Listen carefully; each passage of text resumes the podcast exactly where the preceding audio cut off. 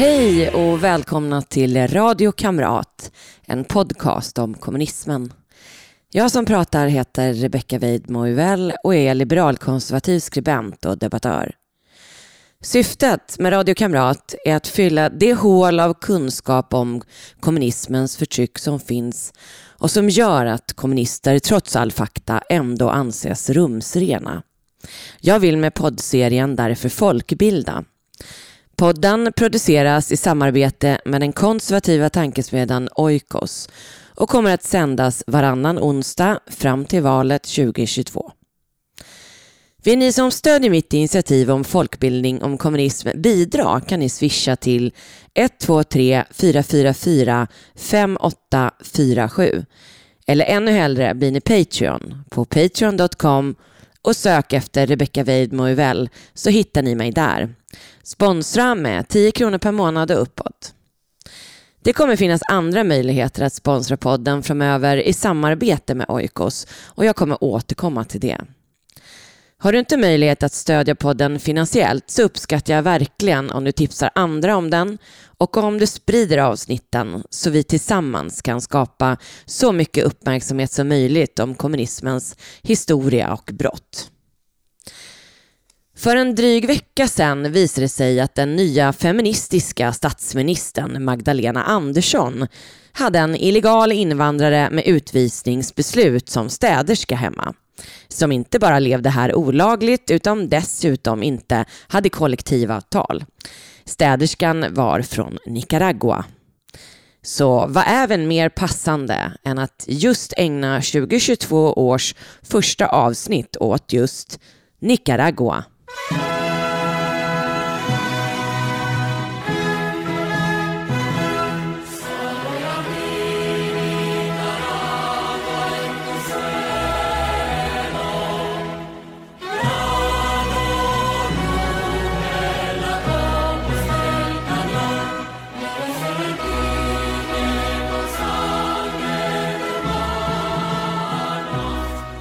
Nicaragua är det största landet i Centralamerika, landsträckan som förbinder Nordamerika och Sydamerika.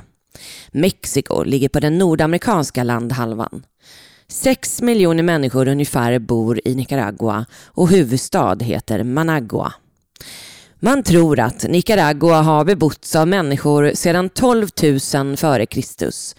Under slutet av 1400-talet befolkades landet av azteker och maya-indianer. År 1502, på sin fjärde tur, blev Kristoffer Columbus den första europé som landsteg i Nicaragua. Han reste efter den östra så kallade Mosquitokusten men träffade inte på någon ursprungsbefolkning. 20 år senare återvände spanjorerna och conquistadoren Gil González Gavila gjorde det första försöket att erövra landet. År 1524 skapades de första två kolonistäderna, Granada och Lyon, vid varsin av de stora sjöarna som finns i landet. Man tror också att namnet Nicaragua betyder omgiven av vatten eller något liknande på stamspråk. Conquistadorerna hade inte med sig några kvinnor och tog därför fruar och partners bland ursprungsbefolkningen. Så uppstod den befolkning av en blandning av ursprungsbefolkning och europeer som kallas mestizo, som befolkar norra Nicaragua. Många indianer dog av sjukdomar spanjorerna tog med, andra tog som slavar till bland annat Panama eller Peru eller dödades. År 1821 blev Nicaragua fritt från Spanien, bara för att snart tillhöra Mexikos kungadöme. Självständigt blev Nicaragua först 1838. Den första tiden av självständighet präglades av maktstrider mellan liberala eliten från León och den konservativa eliten i Granada. Under 1840 och 1850-talet präglades landet av olika inbördeskrig och Managua blev landets nya huvudstad 1852 som en kompromiss. Det var varken Granada eller Lyon.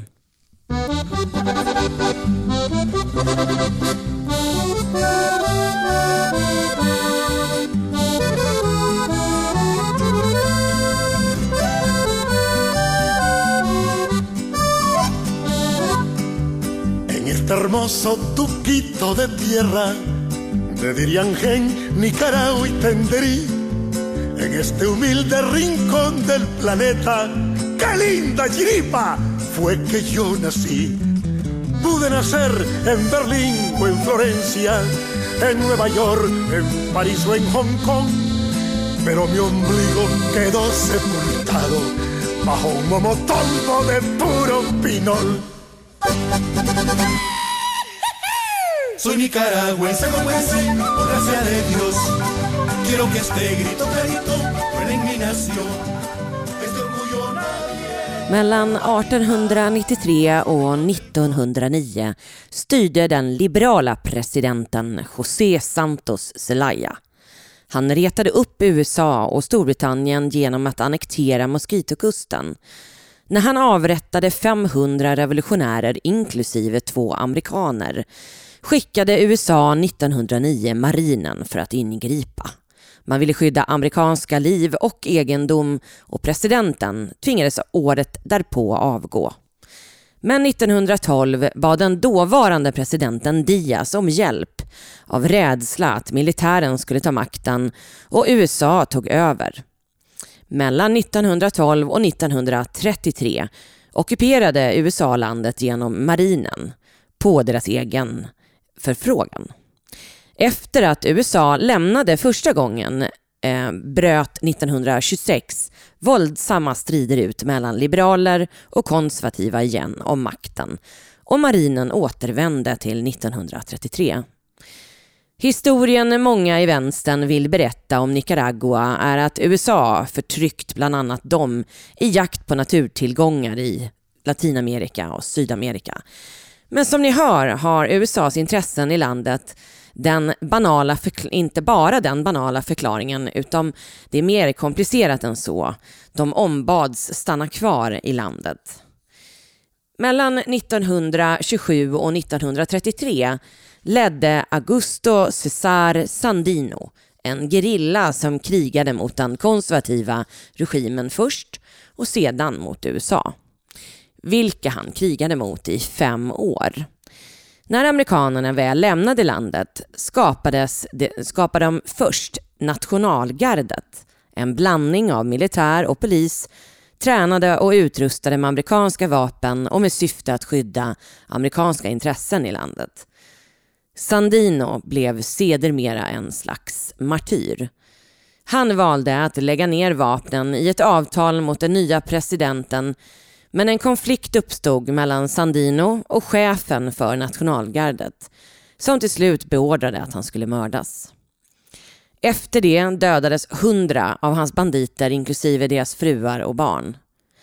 Chefen för nationalgardet hette Somoza Garcia och han blev 1937 president i ett riggat val och hans diktatorskap varade i 43 år och kallas Somoza-dynastin. Somoza Garcias karriär slutade dock 1956 när han sköts till döds av den liberala poeten Rigoberto López. Perioden kallas dynasti eftersom söner och släktingar till Somoza tog över makten tills den stora jordbävningen i Managua kom 1972 då 90 procent av staden förstördes. Men Somozas stoppade mycket av hjälpen som kom i egen ficka. Faktum är att de under de decennier släkten styrde Nicaragua byggde upp en förmögenhet av landets pengar på någonstans mellan 500 miljoner och 1,5 miljarder dollar.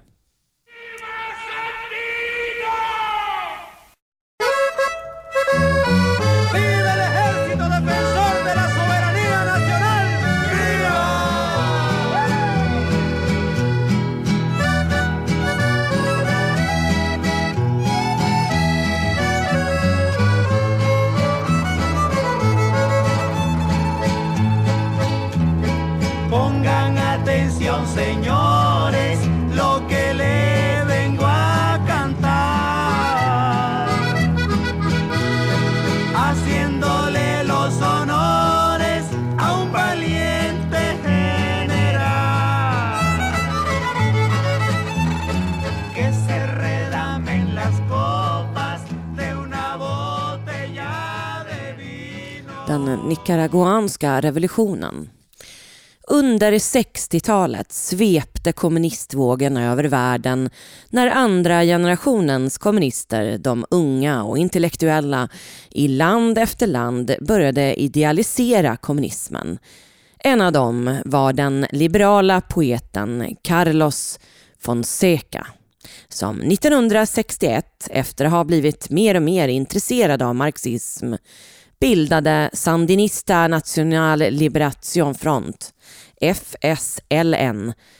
Han blev fascinerad av den mördade gerillaledaren Sandino på 30-talet och tog hans namn till sin nya rörelse. Fonseca hade 1957 rest till Sovjetunionen som en av deltagarna på den sjätte ungdomskonferensen organiserad av det sovjetiska kommunistpartiets ungdomsorganisation World Federation of Democratic Youth. Han var då medlem i socialistpartiet i Nicaragua. I januari 1959 tog Castro makten i närliggande Kuba efter ett långt och blodigt gerillakrig. Detta påverkade Latinamerikas kommunister enormt och de fick förnyat självförtroende. Bland annat Fonseca. Han hann dock aldrig uppleva segern utan dödades i bergen tre år tidigare innan FSLN tog makten i Nicaragua.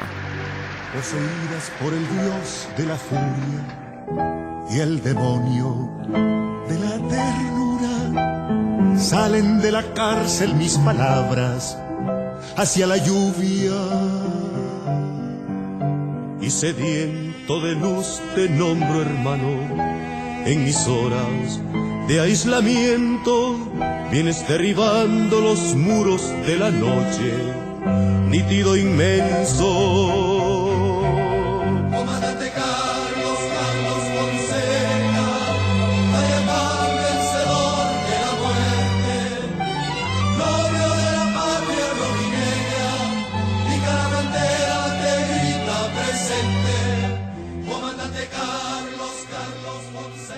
Efter jordbävningen 1972 förlorade nästan alla i Managua allt och hade inget att förlora Utom många gick med i sandinisternas gerillagrupp i hopp om förändring av något slag. I december 1974 försökte en grupp sandinister kidnappa den amerikanska ambassadören Turner Shelton genom att hålla en grupp människor på en fest i Managua gisslan och de dödade värden, den före detta jordbruksministern. 1979 lyckades sandinisterna efter nästan 20 år av krigföring ta makten i Nicaragua. Som alla kommunister började de direkt med att massdeportera över och medelklass och alla som ägde något. Många flydde till USA. Somoza, ursprungs-Somozans yngste son Anastasio Somoza och som regerade landet vid revolutionen, flydde landet och hamnade i Paraguay. Han mördades dock redan 1980, förmodligen av, av utskickade lönnmördare av sandinister. 1980 ville USA och president Carter hjälpa Nicaragua och beslutade att ge 60 miljoner dollar för uppbyggnad av landet. Men när de senare fick veta att sandinisterna använde en del av pengarna för att köpa vapen åt kommunistiska bröder i El Salvador drog man in stödet.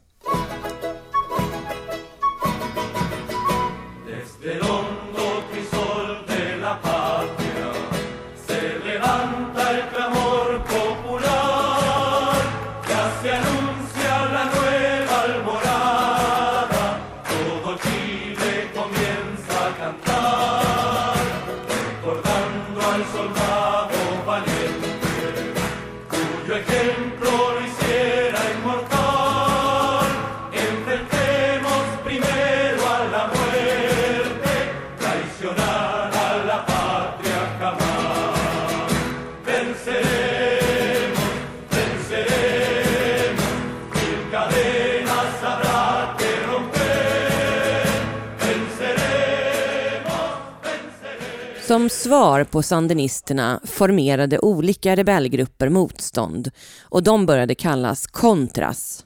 När Reagan blev president i USA beslutade USA att stödja Contras kamp mot kommunisterna.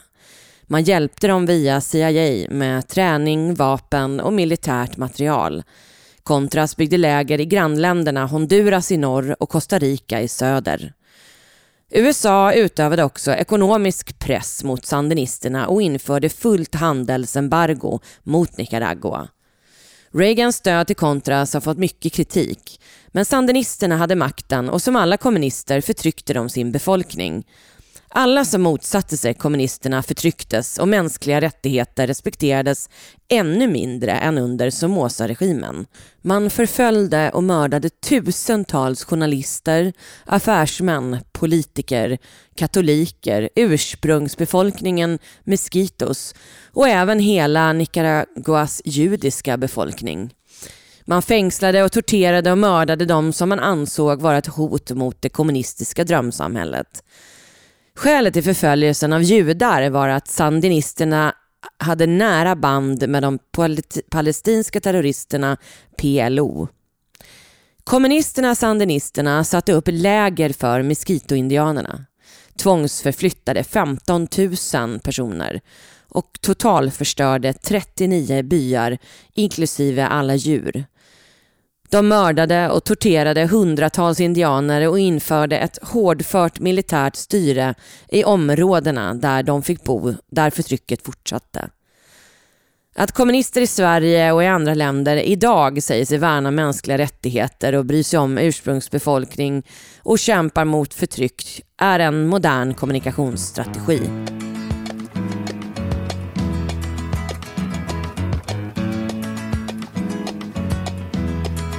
Se partió en Nicaragua otro hierro caliente.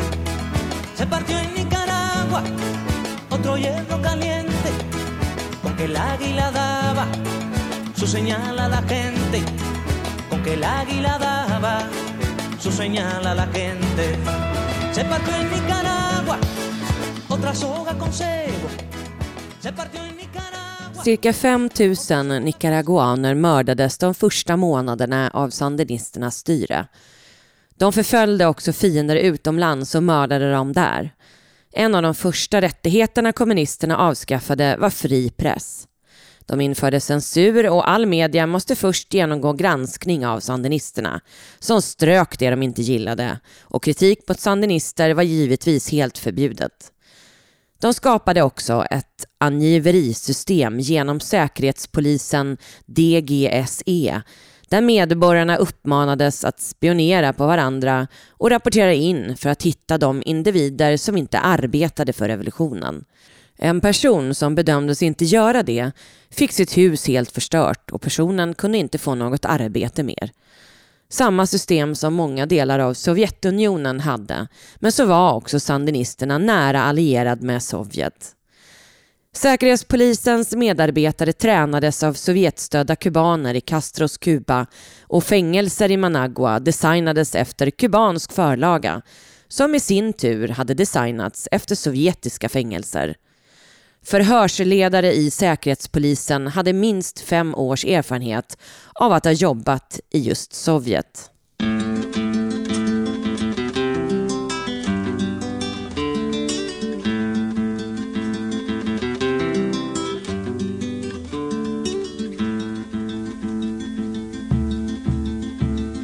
Venancia, pecho de cabra, pelo de noche, venancia Por nacer en la montaña, sos hija de la guerrilla, compañera campesina.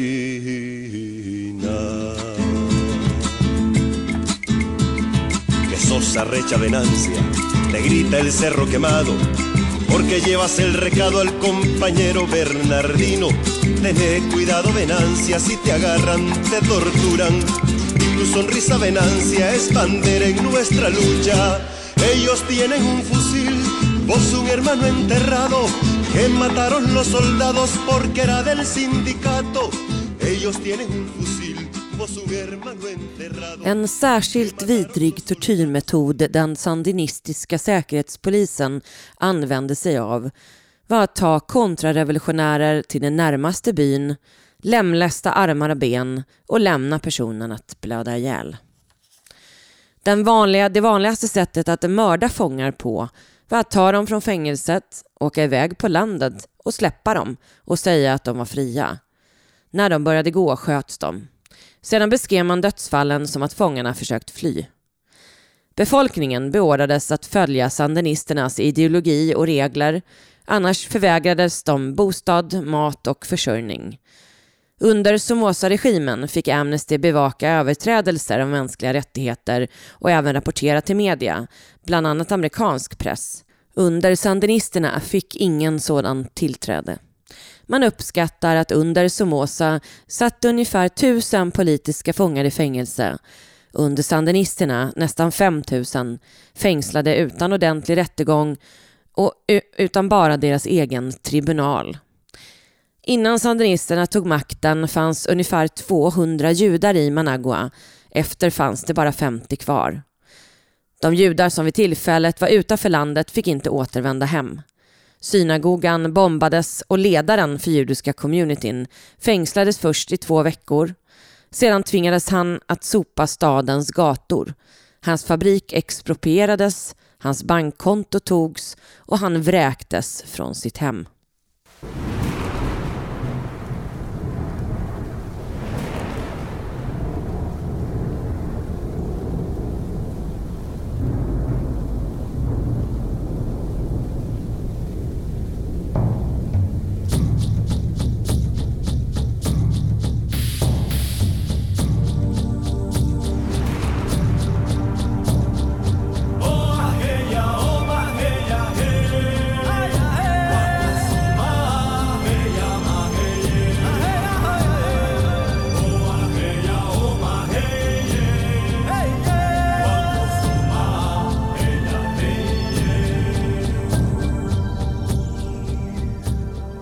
Iran-Contras-affären ska jag nämna kort bara för att den är något många känner till.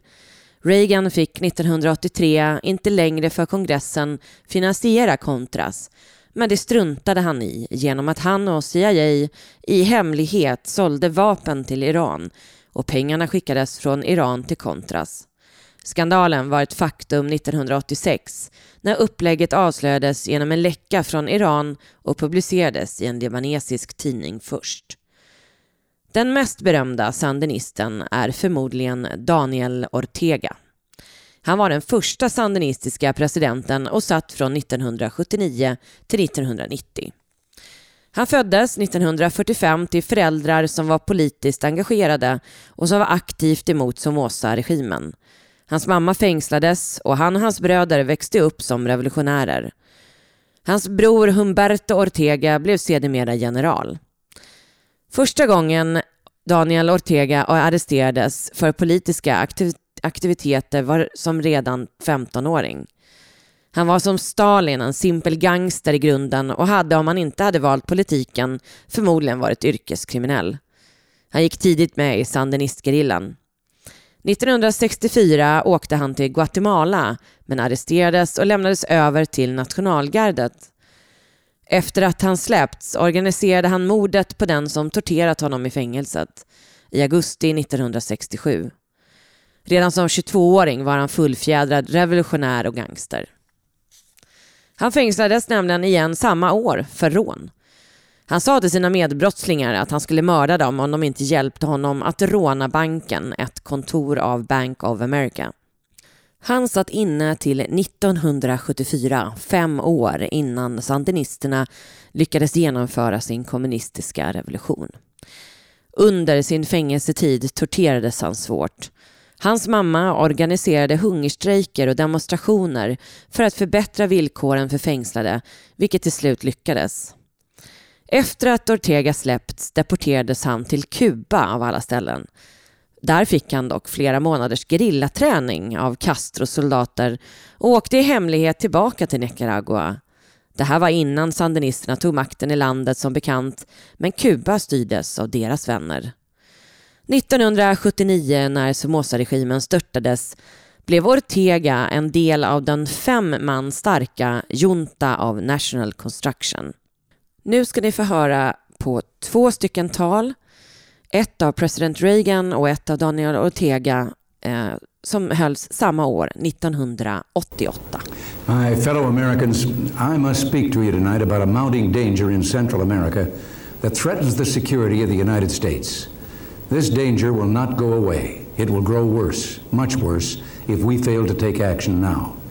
I'm speaking of Nicaragua, a Soviet ally on the American mainland, only two hours flying time from our own borders. With over a billion dollars in Soviet blockade, the communist government of Nicaragua has launched a campaign to subvert and topple its democratic neighbors. Using Nicaragua as a base, the När Ortega blev president efter revolutionen bjöd dåvarande amerikanska presidenten Carter honom till USA och varnade honom för att försöka beväpna andra kommunistiska gerillagrupper i Latinamerika.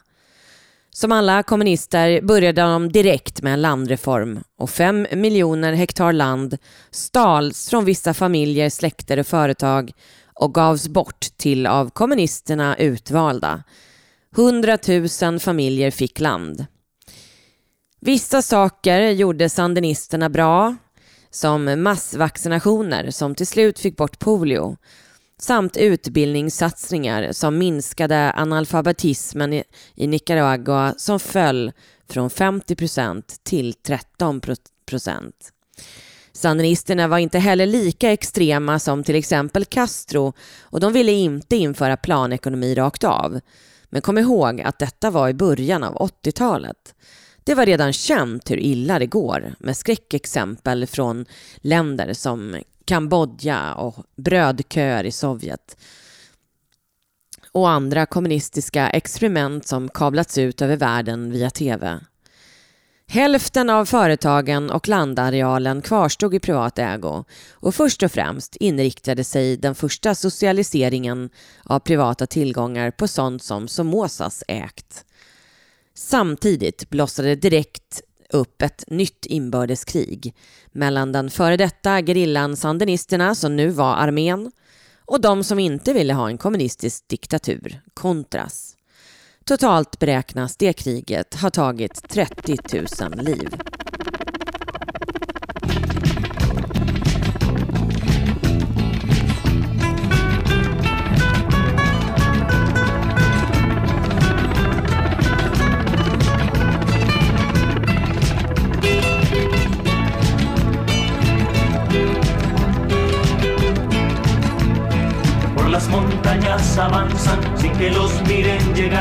Pierden en la espesura los reyes de la jungla con sus fusiles rebeldes y con el alma gritando libertad.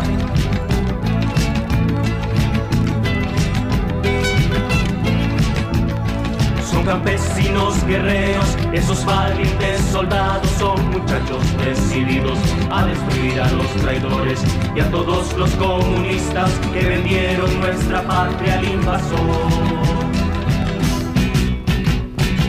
Comandos de la libertad, Dios, patria y democracia nos inspira. Aniquilar al totalitarismo opresor que quiere encadenar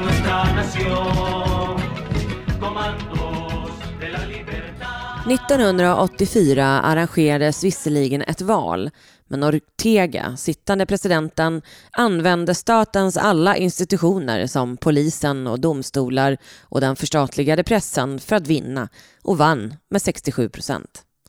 1990 förlorade Ortega valet mot en före detta medlem av juntan från 1979 som stöddes av USA. Men han tänkte inte ge upp. Istället omgrupperade Daniel Ortega och startade en ny grupp inom sandinisterna, Demokratiska vänstern, DL, och använde facken och demonstrationer för att göra allt han kunde för att förstöra för de nya makthavarna. På kongressen 1994 blev sedan DL den mest dominerande gruppen i FSNL. Han ställde upp i valen 1996 och 2001 igen, men förlorade. Det fanns starka anklagelser om korruption. Om ni tror att kommunisten Ortega lämnade makten utan att fixa pengar till sig själv, tänk om. Den kallades Piñatan och var en serie lagar som Ortega sina sista dagar som president 1990 klubbade och som innebar att egendom som sandinisterna beslagtagit i sin redistribuering av tillgångar överfördes till högt uppsatta sandinister inklusive Ortega själv. År 2006 lyckades han vinna valet. Han kampanjade då som en slags reformerad vänster och sa sig söka utländskt kapital för investeringar för att lyfta landet från fattigdom. Han sa sig också ha hittat Gud till den mycket religiösa väljarkårens förtjusning. Det första han gjorde var att förmå Högsta domstolen att lyfta förbudet på att sitta ännu en mandatperiod. Oppositionen har kallat detta beslut illegalt. Fler förändringar gjordes ändå och han sitter just nu 2022 sin fjärde period som president. Landets opposition är mer eller mindre krossad, något Ortega hävdar var nödvändigt för stabiliteten och säkerheten. 2016 kampanjade han förresten med sin fru, sedan 30 år, som vicepresident, vilket hon är nu. Ortega har bland annat via Wikileaks anklagats för att från första början 1979 finansierat partiet genom drogkarteller som betalat för att landets domstolar skulle låta deras fall passera. Och 1984 kom han personligen överens med Pablo Escobar, den stora colombianska drogkartellledaren, att han skulle få spendera månader i just Nicaragua för att fly undan lagen i Colombia. 2008 ska Daniel Ortega också fått så mycket som 500 miljoner dollar av kommunisterna i Venezuelas oljepengar.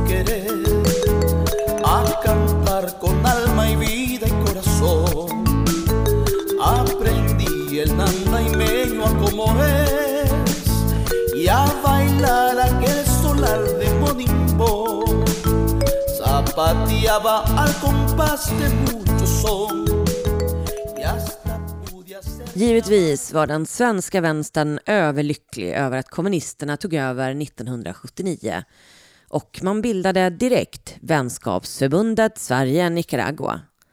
På femårsfirandet eh, av revolutionen 1984 åkte en av de ledande vänsterpartisterna, eh, Joakim Lenz, just från förbundet Sverige-Nicaragua till Nicaragua och togs emot som en officiell gäst av FSNL på flygplatsen. År 2003 till 2008 var Eva Zetterberg ambassadör i Nicaragua. Hon hade tidigare en lång karriär som just riksdagsledamot för Vänsterpartiet. Givetvis har Sverige varit en stor biståndsgivare. S-styrda regeringar har via Sida och makt över biståndssverige gett 7 miljarder totalt av skattebetalarnas pengar till kommunisterna i Nicaragua. 2008 avslutades biståndet.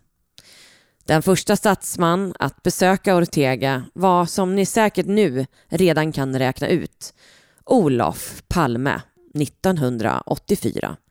Han hyllades som en hjälte redan på flygplatsen. Sí, sí.